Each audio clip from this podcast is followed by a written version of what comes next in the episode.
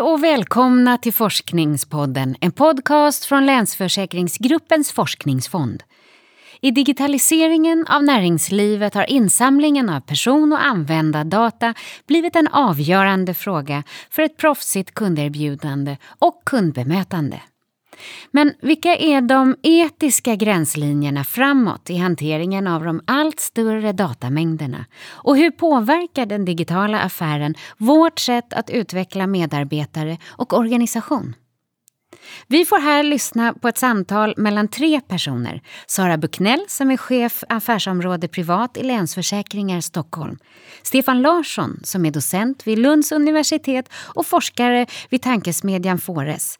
Samt Annette Hallin, docent i företagsekonomi vid Mälardalens högskola. Vi kommer rakt in i samtalet och det är Sara som inleder. Varsågoda Sara, Annette och Stefan. Finns det någonting som ni idag ser inte framgångsrikt kommer att digitaliseras. Någonting som är, du har varit inne på det här med olika liksom roller, om de är rutinmässiga eller eh, halvt möjliga att digitaliseras eller inte och så vidare. Och, och, jag skulle, jag skulle vilja säga så här att jag tror att det, det flyter hela tiden. Ja. Därför att det är inte så, även om vi som människor kanske inte förändras. Vi har, vi, vi, jag tror att vi, vi det finns vissa saker som det innebär att vara människa. Vi, vi har vissa behov, grundläggande behov och det tror jag inte kommer förändras. Men våra sätt, våra sätt att vara människa på förändras hela, faktiskt hela tiden. Eh, det är annorlunda att vara människa idag än vad det var för 200 år sedan och det kommer vara annorlunda om 200 år från nu. Eh, och därför så tror jag att det är väldigt svårt att svara definitivt på den frågan. Eh, men jag, jag tror, när jag ställde frågan på, på ett, ett frukostseminarium här för ett halvår sedan för, jag ställde frågan hur många av er skulle kunna, skulle kunna tänka er att, bli klippta av en robot? Mm. Så räckte alla i rummet upp handen. Jag hade räknat med att ingen skulle räcka upp handen. De jobbade på ABB Robotics. Ja. så det kanske inte var så konstigt. Men jag trodde faktiskt inte att de skulle vilja sträcka sig så långt. Eh, för jag skulle aldrig vilja klippa klippt av en robot. Eh, men det, det, tycker jag är en sån här, jag, jag tror... Ja, men det är lite grann fem... tillbaka till den här hastigheten också ja. eftersom vi, vårt, liksom, vårt egna beteendemönster och vår liksom, acceptans till det som vi tyckte kanske var verkligen science fiction eller det som känns helt liksom, overkligt att ens, eh, det, det är inte så. Jag tror Nej. vi tog något exempel tidigare idag också kring att Ja. Ja, men, så det förändras, så gränserna förändras hela tiden så att jag tycker att det är en jättesvår svår, svår fråga att svara på. Men jag tror, jag, tror jag, vill tillbaka till det där med myten om att robotarna, robotarna tar över. Det kommer inte, jag tror inte att det blir så. Jag, är inte en sån, jag ser inte en sån dystopisk Nej. framtid. Eh, för vi kommer, alltså människan har ju en unik kombination av kreativitet, analysförmåga och eh, empatisk förmåga. Eh, och även om det nu forskas jättemycket kring, kring eh, neuro, alltså neuroscience som det heter på engelska och, och, och, och det här att eh, självlärande robotar och så vidare så, så tänker jag att det finns ju någonting unikt i människan som gör att jag har svårt att tro att vi blir fullständigt eh, ersatta rakt av. Jag kommer ofta tillbaka till att det är ju tillbaka till människan som, som ändå ska liksom ta sig an, omfamna, liksom inspireras eller rädslor, oro, eh, anpassning. Liksom en, en, på något sätt en inställning till hur man approcherar det här ganska snabba, okända och liksom nya kombinationer. Absolut, och det där hänger ju ihop. Det, det, det där är ju någonting som är relevant både för eh, både internt i organisationen och gentemot kunden. Så jag tycker det centralt i det här är ju att inte föreställa sig att alla kunder all, liksom vill ha något nytt, det nya. Eller att alla medarbetare är negativa till, till teknikutveckling. Sanningen ligger ju någonstans mittemellan, eller sanningen är ju både och. Mm. Och det där tycker jag man behöver ta hänsyn till både i sitt interna arbete och i sina, sina allmänna strategier. Mm. Hur omfamnar vi teknikutvecklingen utan att för den sakens skull Eh, göra det på ett oreflekterat och okritiskt sätt. Eh, hur, hur säkerställer vi att våra medarbetares oro för vad teknikutvecklingen innebär mm, mm. för mig som medarbetare. Mm. Hur, hur säkerställer jag att den där oron inte får negativa konsekvenser för hur de utför sitt arbete? Um, men det är inte det lite liksom ändå en nyckel där. Men, och, och hur gör vi det då? då? Uh Ja, alltså jag, jag har sagt i andra sammanhang, jag, jag, det, forskningen visar ju att det, det, vi måste göra är involvera medarbetarna. Ja. Det, det är, nu, nu måste jag säga, jag tycker vi har ganska goda vi har ganska goda förutsättningar mm. för det i Sverige generellt.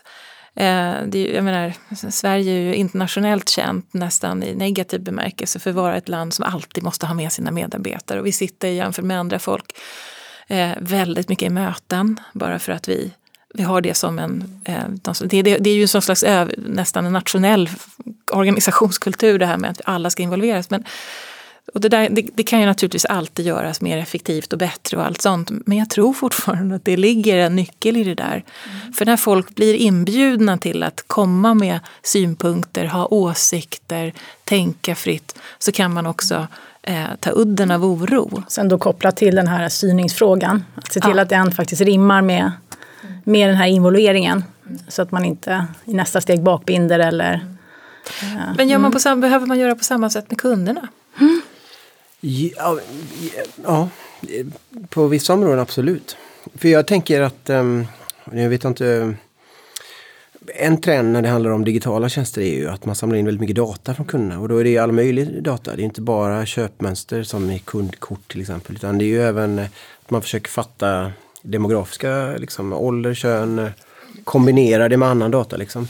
Men eftersom det sker eh, det är svårt att vara transparent med det och det, det, om man som konsument ska köpa något online så är det liksom inte, man kan inte välja mellan vem som är, ja, hanterar min data mest fair eller på schysstast sätt. Så därför så är nästan incitamentet just nu att samla in så mycket data som möjligt. Och så kan man se vilken typ av affärsutveckling man kan göra på det sen.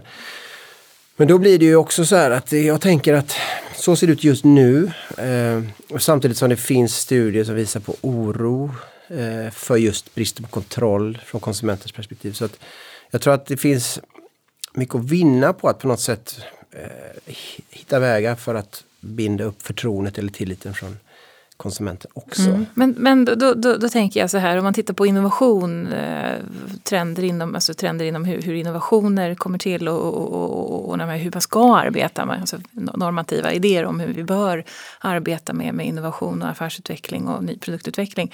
Så har ju ett, ett modord ganska många år varit user-driven innovations, alltså att vi ska involvera våra kunder i utvecklingen av nya produkter. För det är först då som vi får produkter som vi vet, verkligen vet att folk mm. vill ha.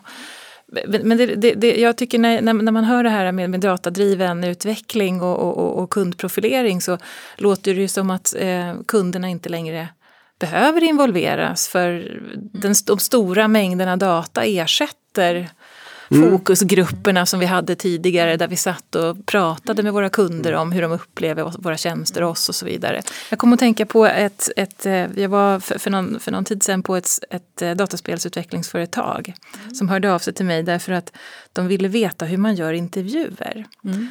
För det här, är, det här är ett företag som har vuxit fram i den digitala ekonomin som ett resultat av den digitala ekonomin. De utvecklar, utvecklar spel som, som eh, streamas och som man sitter hemma och spelar på, sin, på, sin, på, på en konsol vid sin tv-apparat.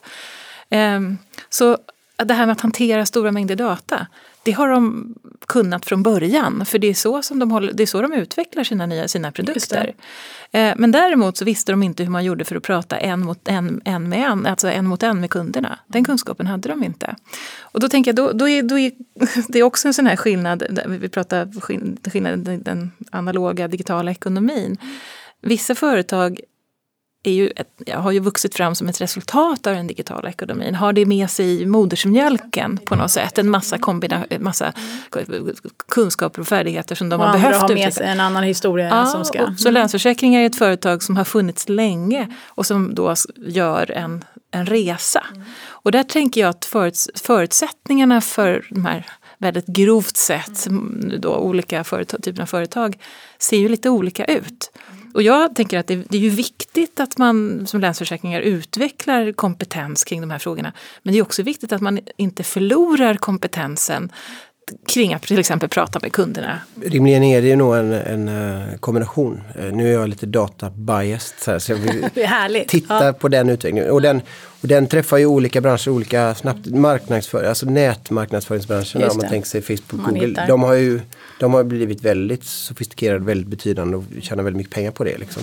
Men sen, sen så ser det ut som att de profileringsmetoderna som bygger på mycket data och delvis eh, samarbete mellan olika dataaktörer som datamäklare och sådär. Så att man bygger profilerna mer och att man kan bygga lärande algoritmer så att man kan förstå liksom, mm. mönster och applicera. Så att det blir en slags i, intelligens. Jag tänker inte artificiell intelligens i termer av den här singulariteten att den ska ta över i världen och, och, och krossa oss människor. Men i någon slags gräsrotsintelligens.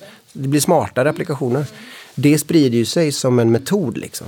Och det träffar ju en rad branscher, även liksom kreditvärderingsbranscherna. Hur man, vilken typ av data ska man ha i kreditvärderingen? Vad är egentligen eh, bra verktyg för det? Och det träffar en rad andra branscher också. Och då tänker man att det gör ju också att då ställs ju frågan strategiskt till även försäkringsbranschen till exempel. Hur hanterar ni det här då? Eh, när era analyser eller när metoderna för analys av individer blir så sofistikerade att man kan säga vem som enskilt är en bra affär eller en dålig affär. Eh, ska ni, kommer ni ta ansvar för de som är dåliga affärer då? Eh, hur, eller hur hanterar ni uppstickare, konkurrenter som, som bara fokuserar, som är små och fokuserar på bara de bästa affärerna? Eh, kommer ni konkurrera med dem eller kommer ni låta dem finnas? Och så ser det ut i vissa branscher och så ser, verkar det se ut i, i eh, utlåningsbranschen också då. Där det finns aktörer som lånar ut till hög ränta. Liksom.